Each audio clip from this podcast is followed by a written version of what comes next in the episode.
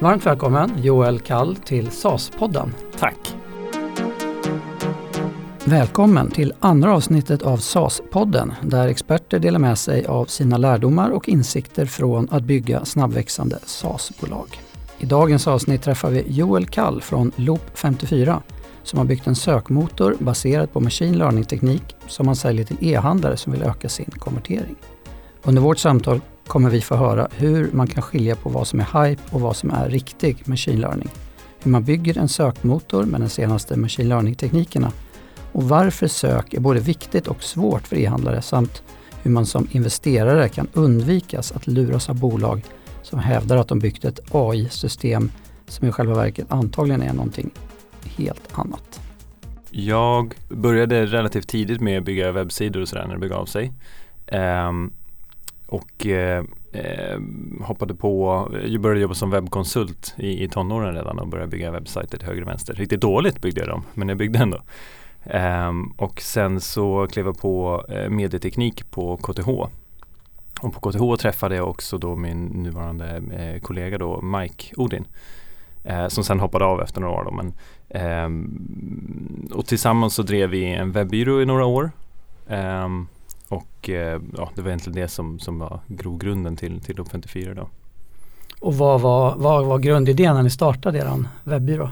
Grundidén var egentligen, det var jag och så var det Mike och så var det en tredje kille och eh, jag var då programmerare, Mike är matematiker och analytiker eh, och den tredje killen är grafiker. Så tanken var att vi skulle kunna fånga in hela, hela konceptet med att bygga en sajt från design till programmering och även följa upp med, med besökaranalys och den, den biten.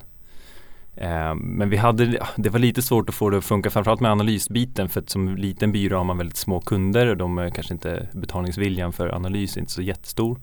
Eh, och dels var det ganska tidigt så de flesta sajter jobbade inte så mycket med analys utan det var mer att eh, svårigheterna var att få upp en sajt överhuvudtaget och sen att analysera, att man konverterar och sådär, det var liksom inte riktigt inne på den tiden. Så ni var tvungna att utveckla affärsidén, affärsmodellen någonting? Då? Ja, vi var tvungna att använda, använda Mike till någonting. Eh, så han satt ju och spånade på massor med olika idéer och vi, vi kände ganska tidigt att vi ville vara ett produktbolag istället. Eh, det passade inte oss att vara konsulter riktigt. Eh, så vi spånade på en del olika ehm, idéer för produkter man skulle kunna bygga och sen så halkade vi nästan av en slump in på ehm, en, en, ett sätt att göra rekommendationsmotorer. Okay. Ehm, för att eh, Netflix hade några år tidigare gjort en, eh, utlyst en tävling om vem som kunde bygga den bästa rekommendationsmotorn. Du vet sådär, eh, du gillar de här filmerna och då kanske du även gillar de här filmerna. Eh, och den tävlingen var ju sedan länge förbi så vi kunde inte vara med i tävlingen men, men vi insåg att den här tekniken som, som många av de grupperna eh, kom fram till skulle man kunna använda. Så vi byggde en egen variant och då kunde vi även använda datat då, som Netflix släppte i samband med den tävlingen. Och så fick vi kontakt med en svensk streamingtjänst eh, som inte finns kvar längre men som var ganska stor då. Och eh, vi pratade med dem om huruvida de ville använda den här tekniken då. Och det verkade jättebra. Vi byggde, vi byggde en rekommendationsmotor, funkade superbra på, på Netflix data. Inte lika bra på den här svenska tjänstens data för de har helt enkelt för lite data. I, i termer av hur många användare som har satt betyg på hur, många, hur stor del av, av filmutbudet helt enkelt. Så det var alldeles för glest data, så det funkade inte. Eh, så det vi började göra då var att titta på hur kan vi hur kan vi göra den här glesa datat mindre gles? Eh, hur kan vi hitta eh, synergier mellan eh, katalogen så att vi kan se att istället för att en viss person gillar en viss film så kanske vi kan se att en viss person gillar en viss genre eller gillar en viss skådespelare eller lite bredare kontext. Eh, så då, då, eh, då gick vi in på att bygga en modell där vi kunde sammankoppla filmerna, sammankoppla produkterna och på så vis få, få en bredare träffdata eh, i, i användarinteraktionerna. Ehm, och det funkade eh, faktiskt ganska bra. Tyvärr så, så försvann ju den här filmtjänsten, den här streamingtjänsten så vi kunde liksom inte sälja produkten till dem. Så er enda kund på lösningen försvann? Ja, de försvann. Eh, och det var lite tråkigt. Men det vi insåg också var att eh, det, det, skulle kunna bli en ganska bra sök och, och navigeringsmotor. Därför att det är inte bara så att man vill rekommendera eh, passivt till någon som är inne på en sajt att du gillar X och därför kanske du även gillar Y. Utan ofta så söker ju folk efter grejer. Jag är ute efter någonting. Eh, och traditionellt så har ju sökmotorer varit väldigt exakta. Liksom du får bara precis det du har skrivit och ingenting annat. Så de brukar inte förstå synonymer och att folk använder olika ord och så vidare. Eh, men med, med vår teknik så, så kunde man göra det. Du kunde söka på Rambo och då kunde vi även hitta, hitta eh, Rocky eller Expendables eller vad det kan vara för något. Filmer som kanske är samma intressanta för den som, som letar efter Rambo. Okej, okay, det låter ju ganska enkelt nu när du beskriver det men det var väldigt ovanligt menar du på mm. då när ni drog igång? Absolut. Och kanske jag, fortfarande? Jag eller? skulle säga att det är fortfarande ovanligt. Eh, man, man löser fortfarande problemet med ganska ganska eh, enkla metoder. Man sätter ut synonymordlistor och sådär så att, så att du vet att eh, ett knäckebröd är lika med hårt bröd eller vad det kan vara för någonting. Eh, men, men det finns egentligen inte så mycket teknik som, som kan försöka förstå det här sambanden automatiskt. När ni nu har fått era första kunder på er nya sökmotor, vilka nästa steg tog ni för att utveckla det här vidare och bygga ett bolag av det? Eh, vi hade ju som sagt insett att, att eh, jobba som konsult det var ingenting för oss. Vi insåg också att vi var inte superbra på att driva bolag. Eh, framförallt inte på hela sälj och marknadsbiten. Vi trodde att sälja handlade om att ringa till företag och fråga om de var intresserade och om de sa ja då, då tänkte vi att det var klart. Eh, det var det ju inte. Eh, så ganska snart så, så, tog vi kontakt med en, en gammal bekant, Robin Mellstrand och frågade om han vill vara med på det här tåget och hjälpa oss att bygga ett bolag av det. Eh, så vi tog in honom som VD och han har ju skött, skött hela biten med att bygga ett bolag och bygga upp säljorganisation och egentligen hela de bitarna. Och när kom Robin in i företaget? Mm, jag tror det var 2012. Och vad hände, vill, om du kan berätta lite mer om företagets, företagets utveckling sedan den punkten och framåt ungefär.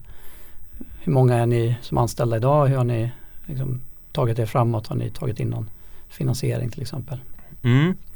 Eh, vi körde ganska länge, jag, Mike och Robin eh, och eh, lyckades eh, få in några relativt stora kunder eh, också på något vis eh, som vi lyckades få eh, att, att lita på att det här var någonting eh, trots att det var så tidigt skede redan.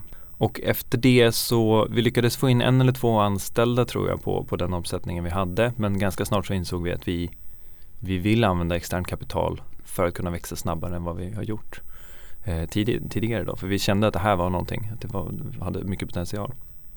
Eh, så vi drog lite trådar, fick in eh, några änglar ganska tidigt eh, och efter det så har vi också plockat in ett par lite större investerare eh, som varit med på, på, relativt länge ändå. Och eh, i dagsläget så är vi ungefär 20 anställda. Och ni är baserade här i Stockholm alla?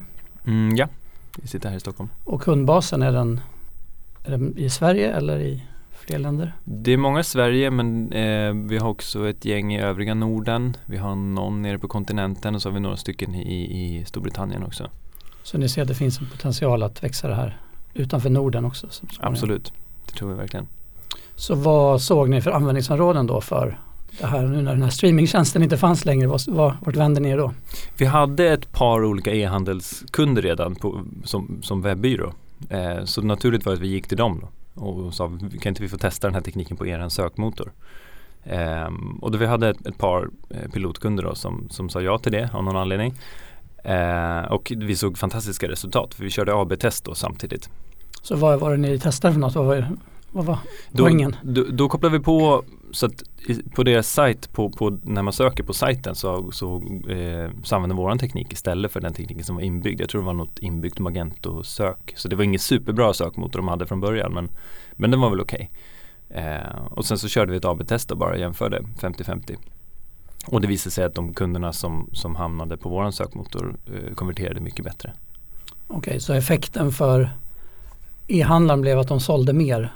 Ja, precis. Vi vill ju gärna tro att effekten också är att du får en, en kundnytta och en kundnöjdhet eh, som är större. Eh, den är ju desto svårare att mäta förstås. Men kan du utveckla det? Vad var det som gjorde att ni, eran eh, lösning liksom sålde mer? Vad är det mm. som händer för besökaren eller vad händer med det här med sök? Ja, det, det som händer med våran teknik är då till exempel att eh, det är många olika saker. Det finns ju många problem med, med sök som vi försöker lösa. Eh, Framförallt så är problemet med sök är ju att du försöker göra en översättning från mänskligt språk till, till maskinspråk så att säga. Så, och mänskligt språk är ju ganska komplicerat.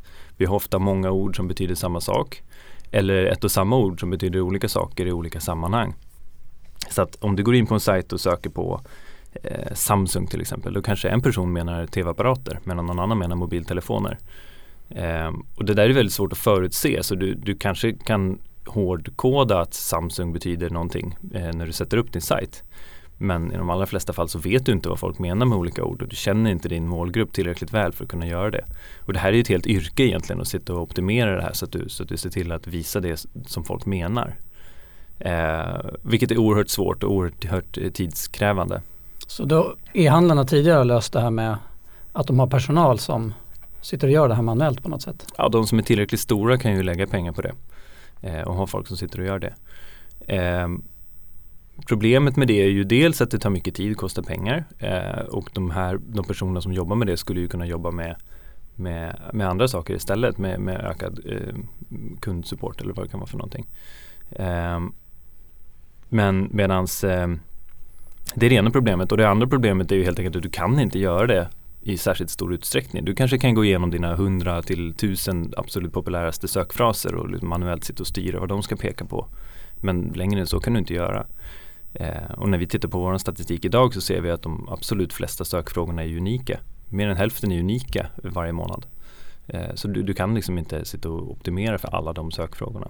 Så vad är det som händer då för om jag nu som besökare kommer in på en e-handlare där eran sökmotor finns, på vilket sätt liksom märker jag det eller på vilket sätt märks det? Mm, om, du inte, om man inte använder vår teknik eh, det du får då är att du, säger, du går in på en sajt och söker på knäckebröd och då får du sju stycken träffar, det är de som heter knäckebröd. Eh, men du får inte se Falu rågrut eller, eller havre, havreknäcke eller det finns ju massor med olika varumärken och produktnamn som är knäckebröd men som inte heter exakt knäckebröd. Och de ser du inte. Eh, om inte den här e-handlaren i fråga har suttit manuellt och kopplat ordet knäckebröd till just de här produkterna eller eh, lagt in ordet knäckebröd på de här produkterna. Och det är som sagt ett tidskrävande arbete, du måste fortsätta hela tiden du kanske, och du får in nya produkter hela tiden, du måste göra det. Så det, det arbetet har ju aldrig slut egentligen. Eh, men med vår teknik så, så, hittar vi den kopplingen automatiskt. Därför vi ser att de här produkterna är väldigt lika varandra. De ligger kanske i samma kategori i kategoriträdet. De har kanske liknande tillverkare eller varumärken. Eh, de beskrivs på liknande sätt i produkttexten och så vidare. Eh, så vår teknik hittar de här sambanden och när du då söker på knäckebröd så, så, så hittar vi både knäckebröden och eh, de andra produkterna som är knäckebröd men som inte heter så. Och det gör att jag som nu letar efter egentligen ja, havre, vad, vad kallar du det, rågrut? Ja exakt. Jag får upp det fast jag inte har sökt på det. Exakt, och du kanske skulle kalla den för knäckebröd. Mm. För i din familj så kallar ni det för knäckebröd. Och det är den du letar efter. Men du har ingen aning om att den heter havre, faru rågrut eller vad det kan vara för någonting. Eller du kanske vet det någonstans men du kommer inte ihåg exakt vad den heter. Så där kommer du hitta den. Det är den ena effekten. Den andra effekten är också att söker du på chips så kan vi visa dipp. För vi vet att de har med varandra att göra. Så då kan vi få upp saker som du kanske inte är exakt det du letade efter men som är relaterat och du är förmodligen intresserad av det. Och när du säger att genom det här så ökar konverteringen, vad, vad är det som gör att, att konverteringen går upp så att säga? Vad, vad, vad händer då när besökarna ser de här träffarna? Ja, det som händer är att helt enkelt att fler personer hittar det de letar efter. Och hittar du det du letar efter så kan du köpa det. Hittar du det inte så kan du inte köpa det. Så det är ju en effekt. Den andra effekten är att du hittar mer än det du letar efter. Så att när du istället för att lägga en produkt i varukorgen så kanske du lägger två stycken för att de har med varandra att göra. Eh, det kan också vara att du hittar bättre produkter än det du letar efter. Du kanske hade varit nöjd med att köpa ett knäckebröd som inte hette rågrut. Men nu när du hittade rågrut så köper du den och den kostar mer. Ofta, det, det är typiskt effekt att varumärken brukar kunna, alltså kända varumärken kostar mer än, än okända varumärken så att säga, eller generic brands. Eh, och de hittar du oftast inte när du söker på knäckebröd för de heter inte så. Och om vi går in lite grann bara på eh, vilka som ni säljer här då till e-handlare men vad är det ni säljer och, och liksom, hur går det till? Liksom eran affärsmodell här lite grann på Loop 54. Mm, det, så det vi har gjort då är att vi har, vi har paketerat alltihop så här som en, eh, som en SAS-tjänst ett API eh, som man anropar. Eh, och rent tekniskt går det till så att du, du skickar ett anrop till våra tjänst istället för den inbyggda sökmotorn eller om du har någon annan typ av tredjepartslösning. Eh, så returnerar vi egentligen en lista med vilka produkter som, som man ska visa.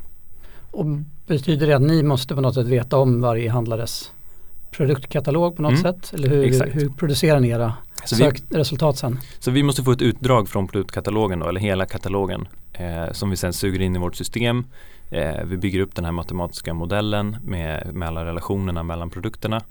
Eh, och det gör vi också automatiskt. Vi sätter ett gäng parametrar och sen har vi en, en machine learning-modell som bygger upp den automatiskt.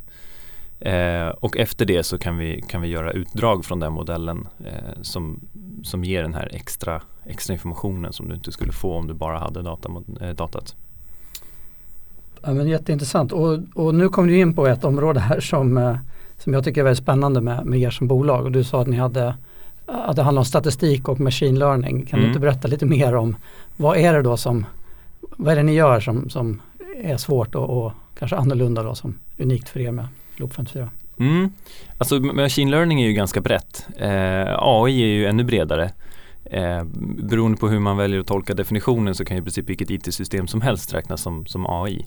Och den definitionen flyttas ju hela tiden. Till exempel har vi ju sådana OCR-system, Optical Character, character Recognition, eh, som för 20 år sedan var, var ganska balt och kallades för AI. Men nu är det liksom vardagsmat så nu kallar vi inte AI längre. Så AI är lite så här ouppnåeligt mål att när du väl har fått ut någonting på marknaden och det blivit vardagsmat då är det inte AI längre utan AI är liksom det som kommer sen. Eh, vilket är lite intressant. Eh, men, eh, men i vårt fall så är det just den här hur, hur vi kan bygga upp den här eh, modellen av katalogen som, som mer efterliknar eh, eh abstrakta koncept snarare än, än konkret data. Så ni läser in respektive e-handlares produktkatalog. Mm. Och vad gör ni med den sen om du ska försöka beskriva? Eh, så det vi gör är att vi sätter upp eh, vad vi kallar för, för en, en, mängd olika kontext. Så vi sätter upp en, en, eh, en massa avgränsningar i katalogen. Eh, och sen så tittar vi på alla produkter och ser hur passar de in, i vilket kontext passar den här produkten. Eh, och så, så, sorterar vi in alla de här produkterna och kontexten skapas ju då och anpassas dynamiskt efter vilken data som finns i produkten. Eh, så att ju bredare produktkatalog, ju större spann du har av, av, produkter desto fler kontext måste vi skapa då för att få plats med alla produkterna. Och om vi fortsätter våra, våra exempel här med, med knäckebröd och havre, mm. falu rågryt. Vad, vad liksom, vilka kontexter finns det där om du drar några exempel vad man förstår? Ja, så där så skulle vi placera knäckebröden, falu rågryt och havreknäcke och allt sånt där skulle placeras i samma kontext på, på den översta nivån och det, jag kommer in på det kanske mm. men, men Eh, Eh, så, så, så, den översta nivån innehåller liksom de, de grova kontexterna och där skulle vi förmodligen klumpa in både korvbröd och, och, och hamburgerbröd och alla typer av bröd, kanske till och med kakor och bakverk liksom i samma kontext. Medans eh, mjölk och fil och ost skulle hamna i ett annat eh, kontext. Då. Eh, eller för att, för att återgå till, till elektronikjämförelserna då, så att Samsung-telefonerna skulle förmodligen hamna i samma kontext som, som eh, Sony-telefonerna. Eh, men inte i samma som, som Samsung TV. Liksom.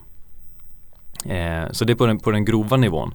Men sen tittar vi i, i varje kontext så, så bildar vi underkontext. Eh, vilket betyder att, och det, det, är, det är där vi separerar mjukt bröd från hårt bröd. Eh, och det är där vi separerar hamburgerbröden från, från de andra bröden och kakorna får en egen. Och sen gör vi under under kontext så att olika typer av kakor får olika kontext och så vidare. Och så gör vi en ganska djup modell då. Eh, och det här gör ju då att vi sen kan titta på två produkter och se vad, vad har de här gemensamt kontextuellt? Ligger de liksom i samma kontext då är de extremt lika varandra. Då är de förmodligen nästan synonyma med varandra, att det är precis samma produkt. Eh, men men eh, eh, om de inte är gemensamt på, på den djupaste nivån då kanske de har någonting gemensamt på den näst djupaste nivån och så vidare.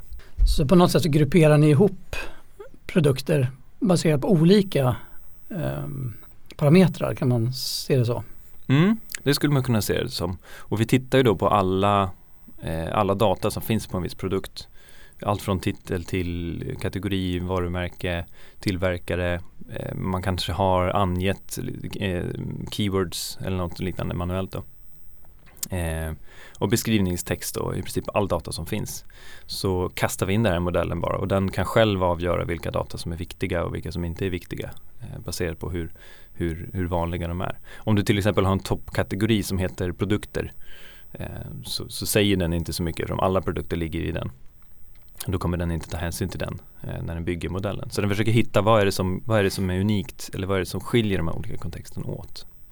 Och vad, du säger att modellen och att den lär sig, om du skulle försöka beskriva det rent det låter ju som eh, att det här krävs väldigt, väldigt mycket jobb för att analysera en sån här produktkatalog. Mm. Så det här är ett jobb som vi gör när vi startar upp en ny kund och sen så gör vi det eh, när vi gör förändringar i hur modellen fungerar. Som vi släpper en ny version till exempel, då kanske vi måste träna om katalogen för att, för att få till eh, den förbättringen som vi har gjort. Men i övrigt så behåller vi den modellen då utöver eh, över hela, hela tiden som här. Och hur automatiskt är det här då i era system? Det är eh, ganska automatiskt skulle jag säga. Vi sätter ett gäng parametrar och sen är hela träningen automatisk. Eh, men sen tittar vi förstås på resultaten och ser, blir det här bra? Eller har den missförstått någonting? Det är klart det händer ibland man satt någon parameter fel. Och parametrarna kan vara till exempel hur stora ska de här kontexten vara? Hur djup ska den här modellen bli? Och sådana saker. Eh, och för vissa kataloger så passar det med en väldigt bra, eh, med en väldigt djup modell och andra kataloger så passar det bättre med en grundmodell. Så vi, vi provar oss fram lite grann och så tränar vi om då. Så typiskt så brukar vi behöva göra ett par, tre, kanske upp till fem olika omträningar för en ny kund. Okej, okay, så det är någon typ av, eh, ni, ni, ni kombinerar att, att um, maskinen får träna och lära sig själv men ni ändå där också på något sätt validerar kvaliteten på det här. Kan man, mm, kan man säga det skulle så? man kunna säga. Och vi försöker ju hela tiden automatisera mer och mer av det här så att de saker som vi kan se eh, på katalogen att aha, här, här, behövs det en grundmodell eller här behövs det en djupmodell. Så försöker vi automatisera så att modellen kan se det själv baserat på hur datat ser ut. Då. Men det här låter ju ganska avancerat ändå. Vad, vad liksom, hur lång tid tar det när ni tar in en ny kund? Hur mycket jobb är det att eh, få den modellen på plats? Så att säga? Det är väl kanske en eller ett par dagars jobb för en av våra produktexperter att sitta med det. Och det beror lite grann på också om det är i en vertikal som vi har jobbat i tidigare och känner igen olika mönster så, så går det förstås snabbare. Och hur hanterar ni när det blir förändringar sen hos den här hos eran kund om vi säger de ändrar sin produktkatalog? Mm, men det löser modellen eh, automatiskt. Så länge man inte byter ut hela, alltså man har, man har börjat med att sälja mat och sen börjar man sälja skor, då blir det svårt, då måste vi träna om. men annars så Eh, så länge du bara lägger till produkter som, som ryms inom samma, eh, samma vertikal så är det inga problem alls. Det löser den automatiskt. Och då går det väldigt fort eller hur lång tid Absolut. tar det? Ja, det går på nolltid. Okej, okay, så nu har ni eran eh, modell här med när ni har lagt in e-handlarens hela produktkatalog. Men på något sätt så kan ni förfina och träna den här. Kan du utveckla lite grann vad det är för träning ni kan göra av den här modellen? Grundtanken är den att Eh, försöka efterlikna hur vi människor ser på saker och inte så mycket hur datorer ser på saker. Så till exempel eh, när man som barn lär sig känna igen saker så gör vi inte det genom att titta på alla exempel av allting. Och många machine learning metoder går ut på att titta på exempel av allt som finns och sen hitta mönster i det. Så för att lära sig känna igen en hund till exempel så, så får du titta på, på miljoners bilder eh, där man har facit, så man har tagit upp vilka som är en hund och vilka som inte är en hund. Och så lär man modellen vad som är en hund och vad som inte är en hund och så, så eh, hittar den alla mönster som indikerar att någonting är en hund. Och det är det som kallas för, för supervised learning. Eh, det är ju svårare att applicera det i e-handel för att du har inte riktigt facit. Eh, du, du har inte informationen om huruvida knäckebröd och falu rågryt är samma produkt eller inte. Så det är svårt att göra den typen av supervised learning. Så det vi försöker göra är unsupervised istället. Um, och i, i vårt fall så innebär det att vi försöker efterlikna hur människor lär sig.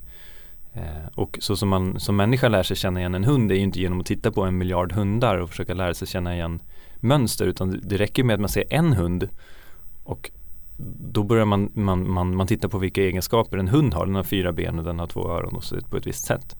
Och när du sen ser en annan hund som kanske är hälften så stor och en helt annan färg och mycket mer päls så kan du fortfarande känna igen konceptet. Och du kan förfina ditt koncept hela tiden att ja men det här var också en hund, kanske en liten annan typ av hund men det är fortfarande en hund. Det går ganska fort för ett litet barn att förstå skillnad på en hund och en katt. Exakt. Även om de på ett sätt är ganska lika. Ja och om vi skulle som människor fungera som machine learning-modeller då skulle det ta många, många år innan vi har sett en miljon hundar för att förstå att en hund är en hund och en katt är en katt. Så det är inte riktigt så vi människor fungerar. Eh, och det är det vi försöker efterlikna lite grann.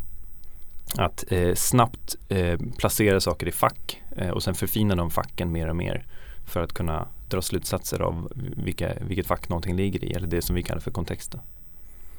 Ja, men eh, superintressant. Och den här datan som ni får in då, för det är väl lite det vi touchar också. Vad, är, det, är det bra kvalitet på den? Eller hur, hur ser det ut när ni kommer ut till nya e-handlare? Eh, det är väl som med alla IT-system att det är halvdålig kvalitet på allting. Eh, Eh, problemet med det data som e-handlare ofta har är att de har inte skapat datat själva alla gånger. Eh, de som har det och, och, och eh, matar in sina egna produkter de har ju generellt ganska bra data. Eh, men många aggregerar data från olika datakällor och då kan det ibland vara bra och ibland vara dåligt. Och det är ett oerhört stort jobb att sitta och kolla igenom tusentals produkter för att, för att förbättra datan. Så det är ganska ofta som det saknas kategorier eller saknas tillverkare eller det finns felstavningar och sådana saker.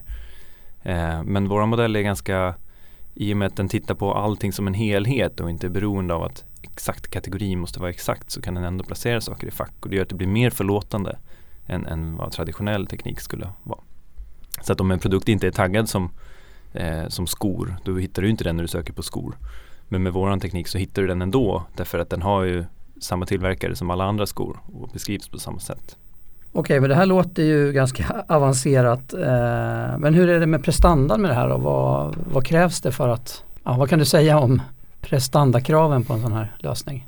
Vi har väl egentligen tre krav på oss. Eh, ett är svarstid. Vi måste svara snabbt för om folk sitter och söker och inte får något svar på flera sekunder då, då tappar de intresset.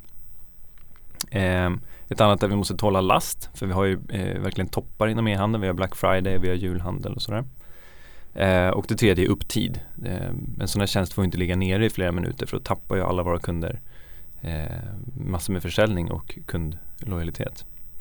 Så hur har det här påverkat er då, eran, när ni har tagit fram er tjänst? Allt det här är ju utmaningar förstås. Eh, när man bygger en ny typ av, av, teknik och får de här sakerna på plats. Eh, så vi jobbar ju ganska mycket på det. Vad det gäller svarstid så, så har vi till exempel vi använder ingen traditionell databas för att eh, leverera resultaten. Eh, för det skulle gå för långsamt att samla ihop all data eh, bakom det och sen skicka det. Så vi behåller allting i minnet istället. Vilket å andra sidan också är lite krångligt för då tar då tar processerna mycket mer minne och det blir dyrare med hosting och allting. Vad gäller lasttålighet måste vi se till att vi har tillräckligt många instanser av allting för att hantera det och alla lastbalanserare och allting måste hantera det. Så man måste ha en infrastruktur som är tillräckligt snabb för att kunna, eh, kunna ta den lasten. Eh, och dessutom någon slags plan för vad som händer om det primära systemet går ner. Och det går även in på det med, med upptid. Då. Så att utöver att vi har redundans i alla steg vad det gäller, vad det gäller switchar och, och eh, både hårdvara och mjukvara, eh, databaser och så vidare. Så har vi även en, en, en hel eh, separat eh, cache eller en failover-funktion som kan ta över om hela det första systemet skulle gå ner. Så det, och det är också helt automatiskt. Så hur liksom är ni organiserade inom er teknikavdelning? Så här, hur många jobbar med infrastruktur och, och, och, den här typen av frågor? Hur många jobbar med mer kanske produktutveckling och, och R&D, liksom innovationsdelarna? Vi försöker ju rotera så mycket som möjligt så att alla får röra lite allting. Men det är klart att alla har ju olika både kompetenser och intressen. Eh, så det är väl nästan, jag skulle säga att det är nästan 50-50 mellan produktutveckling och eh, infrastrukturutveckling. Eh, för kvaliteten känns det som att den är så pass viktig för ja, kunderna som en del. Det är klart att sökresultaten måste vara bra men ni måste också leverera tillräckligt bra kvalitet hela tiden annars spelar det liksom ingen roll hur bra sökmotor funkar. Precis, ja visst är det så. Så det spelar ingen roll om vi har bäst, bäst relevans i hela världen om motorn ändå inte svarar eller svarar för långsamt för att, för att användaren ska ens titta på resultaten. Har du någon data du kan dela med dig så att man får en känsla av ungefär hur mycket sökningar som hanteras i ert system? Eh, vi kollade ganska nyligen på hur mycket vi snurrar just nu och i dagsläget så ligger vi på ungefär en miljard sökningar per år. Eh, och det är ju det är bara sök då. Sen har vi även kategorilistningar och många andra eh, ställen där man visar produkter. Så det är mycket mer än så. Och Black Friday är ju förstås större än allting annat. Så en miljard per år det är nästan tre miljoner per, per dygn. Men Black Friday är ju som tio gånger den trafiken så upp i 30 miljoner sökningar per dygn. Så det ställer ju en del krav på, på infrastrukturen såklart. Att hålla liksom all den här tekniken i ett bra, i ett bra skick, det låter som att det krävs en viss Eh, struktur, ordning och reda. Kan du berätta någonting om hur ni hanterar liksom, nya versioner och, och eh, underhåll eh, för att hålla det här systemet eh, bra fungerande över tid? Mm. Eh, vi, vi applicerar ju förstås eh, alla standarder som man gör inom, inom IT-branschen på hur man ser till att man får bra kodkvalitet vad gäller kodgranskning och tester och, och alla sådana bitar. Eh, det är ju en del. Den andra delen är att eh, vi har ju ett relativt svårt problem i att allting inte går att automatisera. Eh, framförallt vad det gäller kontroll av relevans. Så när vi släpper en ny version så vill vi förstås att den ska ha bättre relevans än den förra versionen. Eh, och det är ganska svårt att automatisera just eftersom vad är ett bra sökresultat? Det kan vara ganska, ganska godtyckligt ibland och, och svårt att eh, svårt att sätta fingret på exakt vad det är som, gör det. Så där får vi göra en del manuell testning. Eh, helt enkelt. Och då har vi ganska rigorösa både automatiserade och manuella tester av allting innan vi släpper en ny version. Sen har vi också sett till att vi kan släppa nya versioner till en, en mindre mängd av våra kunder. Så vi släpper inte någonting till alla samtidigt såklart. Utan vi rullar ut det långsamt. Eh, och håller koll på alla olika mätvärden för att se om någonting skulle vara problem. Dels om vi får några hårda fel i produktion. Men det kan också vara sådana saker som att konvertering går ner eller sådana saker. Okej, okay, så ni följer upp konvertering eh, löpande under tiden som kunderna använder era tjänster också? Mm, det vill vi ju göra eh, för att se till att vi har hela tiden förbättrar det vi levererar till kunderna. Så utöver att många kunder gör ett AB-test i början när de hoppar på så vill vi även fortsätta följa upp det eh, efter att testet är färdigt. Ska vi säga någonting mer om hur unik er lösning är eller vad som skiljer er sökteknik från andra söktekniker? Så att säga? Jag skulle säga att den absolut största skillnaden är just det här att vi har koll på vilka olika eh, fack eller kontext som finns i, i datat och det leder till en massa fördelar som kanske inte är helt intuitivt. En grej man försöker göra idag är ju att använda machine learning där man lär sig på vad användare klickar på till exempel. Så att om du söker på, på apelsin till exempel då får du upp en, en jäkla massa träffar för det finns så många produkter som heter någonting med apelsin. Du har ju dels apelsiner, frukten apelsin, men sen finns det även kanske apelsinjuice, det kan finnas godis med apelsinsmak, det kan finnas barnmat med smak av apelsin, det kan finnas massor med olika saker. Och hur ska den här sökmotorn veta vilken som är mest relevant för dig? Eh, i det här fallet så är det ganska självklart att det är apelsinfrukten, skulle jag tycka i alla fall. Så att om jag satt manuellt och optimerade den här sakfrukten så, skulle jag ju sätta eh, frukten först. Eh, men om du ska automatisera det så är det oerhört svårt om du inte tittar på vad folk faktiskt klickar på.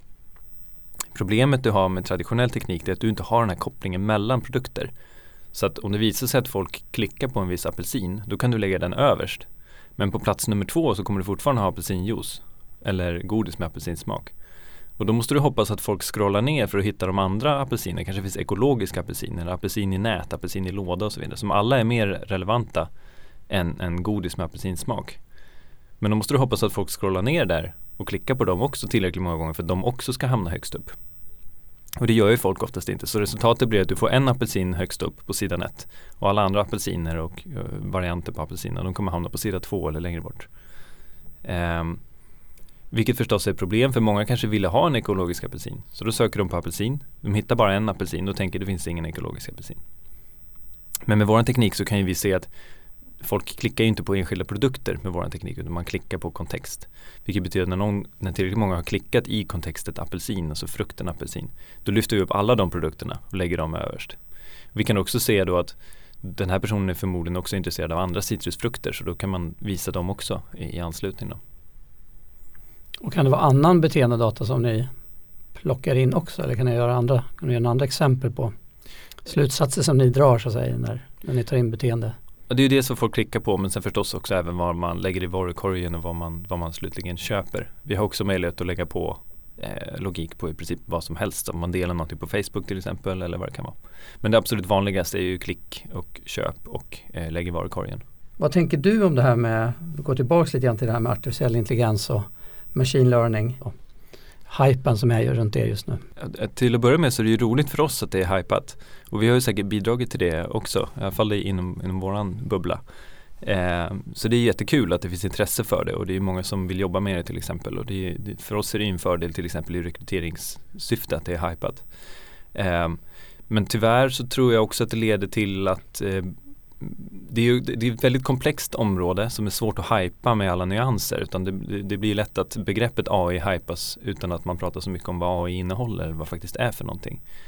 Eh, och då är det ju lätt att man tar fel beslut eh, i frågor om vilken teknik man ska använda och hur man ska använda den. Eh, eller ens till och med varför man ska använda den eller om man ska använda den. Så att jag tror att som med all hype så handlar det om att man får försöka bryta ner det i beståndsdelar och se vad, vad, vad menar man med AI. Eh, vilka, vilka konkreta fördelar finns det med en viss teknik? Eh, så man tittar mer på det och mindre på huruvida det kallas för AI eller inte. Så det, det tror jag man ska försöka se bortom hypen. För de elaka, några elaka tungor säger ibland att till och med en enkel liksom if-sats i en, i, i en eh, programmerings, liksom en algoritm skulle man kunna kalla för eh, artificiell intelligens eller machine learning. Mm, absolut. Så hur sorterar man ut det där då om man inte är så Nej men det är, just, det är just det tror jag, att titta på vilka fördelar som finns. Det finns ju massor med leverantörer som, som pratar om, e, eh, om AI inom e-handel och andra områden. Eh, och alla aktörer som pratar om AI eh, man måste försöka syna det i sömmarna helt enkelt. Vad menar, vad menar du när du säger AI? Vad, vad, hur fungerar den här tekniken? Vilka fördelar ger det mig? Till exempel om man ska, om man ska köpa in någonting då till exempel. Vad är er definition av, ni har ju en hel del eh, innehåll på er hemsida till exempel kring machine learning om du skulle säga lite grann vad er syn på vad machine learning är och er definition av det. Mm. Jag, jag, tror att den mest, eh, den mest välkända definitionen av, av AI är ju eh, artificiella system eh, som, som tar input från omvärlden och lär sig av den på något sätt och sen använder den informationen för att uppnå mål. Det är en ganska bred beskrivning fortfarande. Eh, men eh, och machine learning är ju då en, en, eh, en, delmängd av det här där man fokuserar på själva inlärningsbiten. Ehm, så att hur, hur kan man hur kan man använda data, små eller stora datamängder eh, för att ta beslut som skulle vara väldigt svåra att mata in manuellt.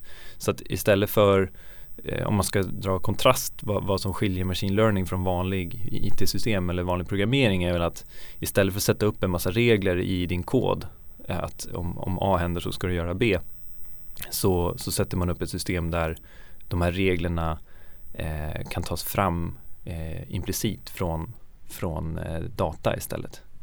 Så det, det, man får i slutändan är ju ett system som, som agerar på en, en, en, mängd regler men reglerna har inte satts upp av en människa utan de har skapats av ett datorsystem. Finns det någonting du önskar att du visste om den här resan?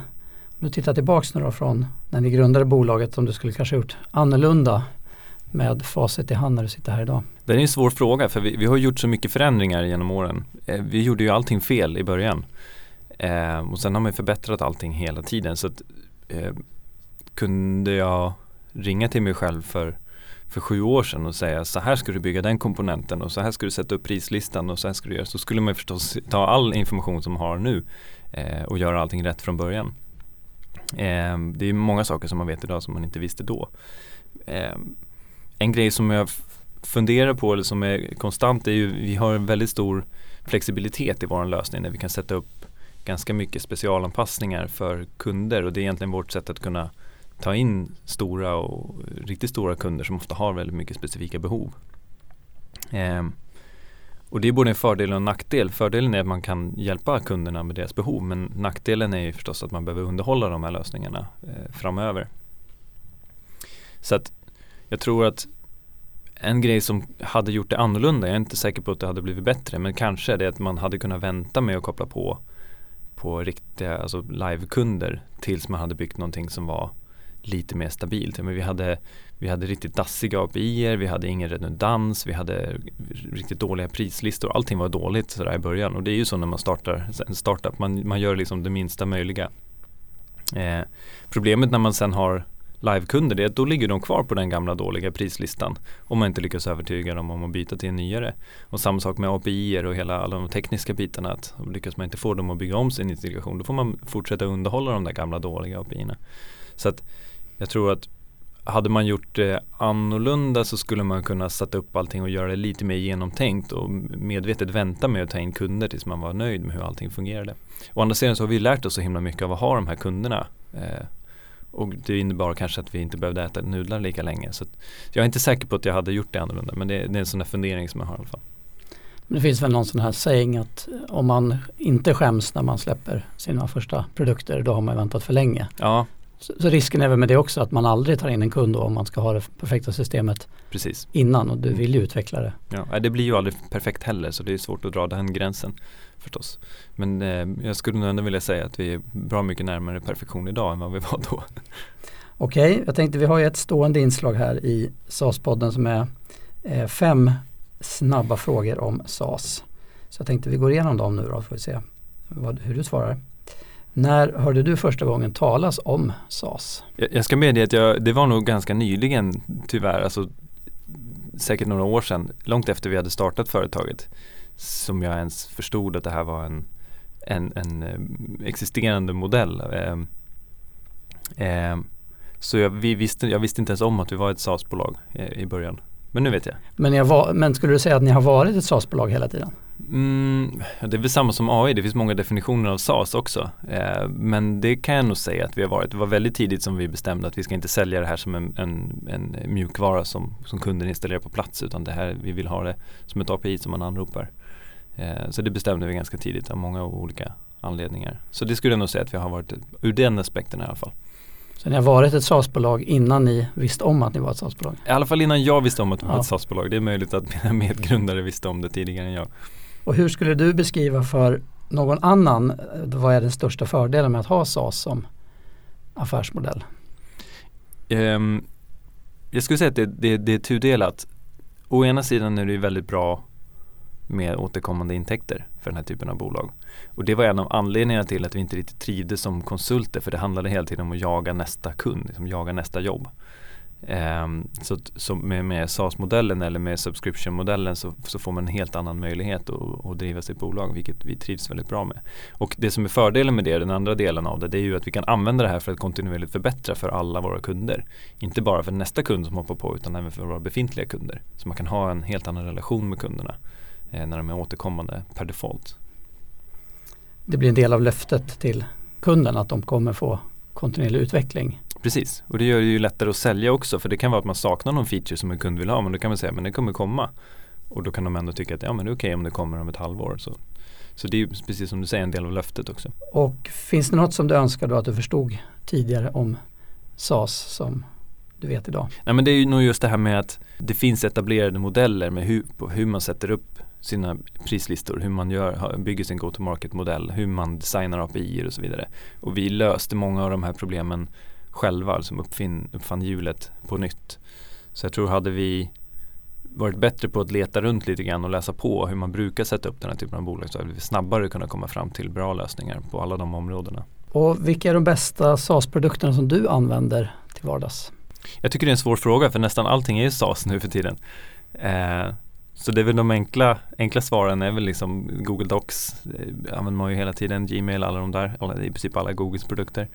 Eh, jag tycker WhatsApp är väldigt trevlig. Dels, de, jag tycker de har lyckats få en bra kombination mellan dels integritet i med, med end-to-end kryptering, eh, vilket många av deras konkurrenter helt enkelt bara struntar i. Eh, men även att de har paketerat det på ett väldigt smidigt användbart sätt. Eh, så det, den gillar jag. Men sen finns det ju till exempel eh, GitHub använder vi väldigt mycket.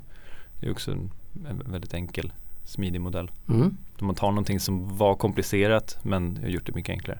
Och sista då, vad, vem skulle du önska få lyssna på i ett kommande avsnitt här i SaaS-podden? Det finns ju mycket duktiga människor.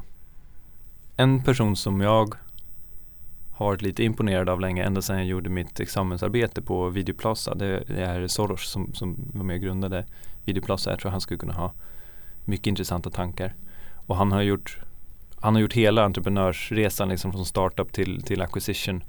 Eh, och dessutom experimenterat med massa intressanta saker efter det. Eh, så det skulle jag tycka var intressant att höra om, hans resa.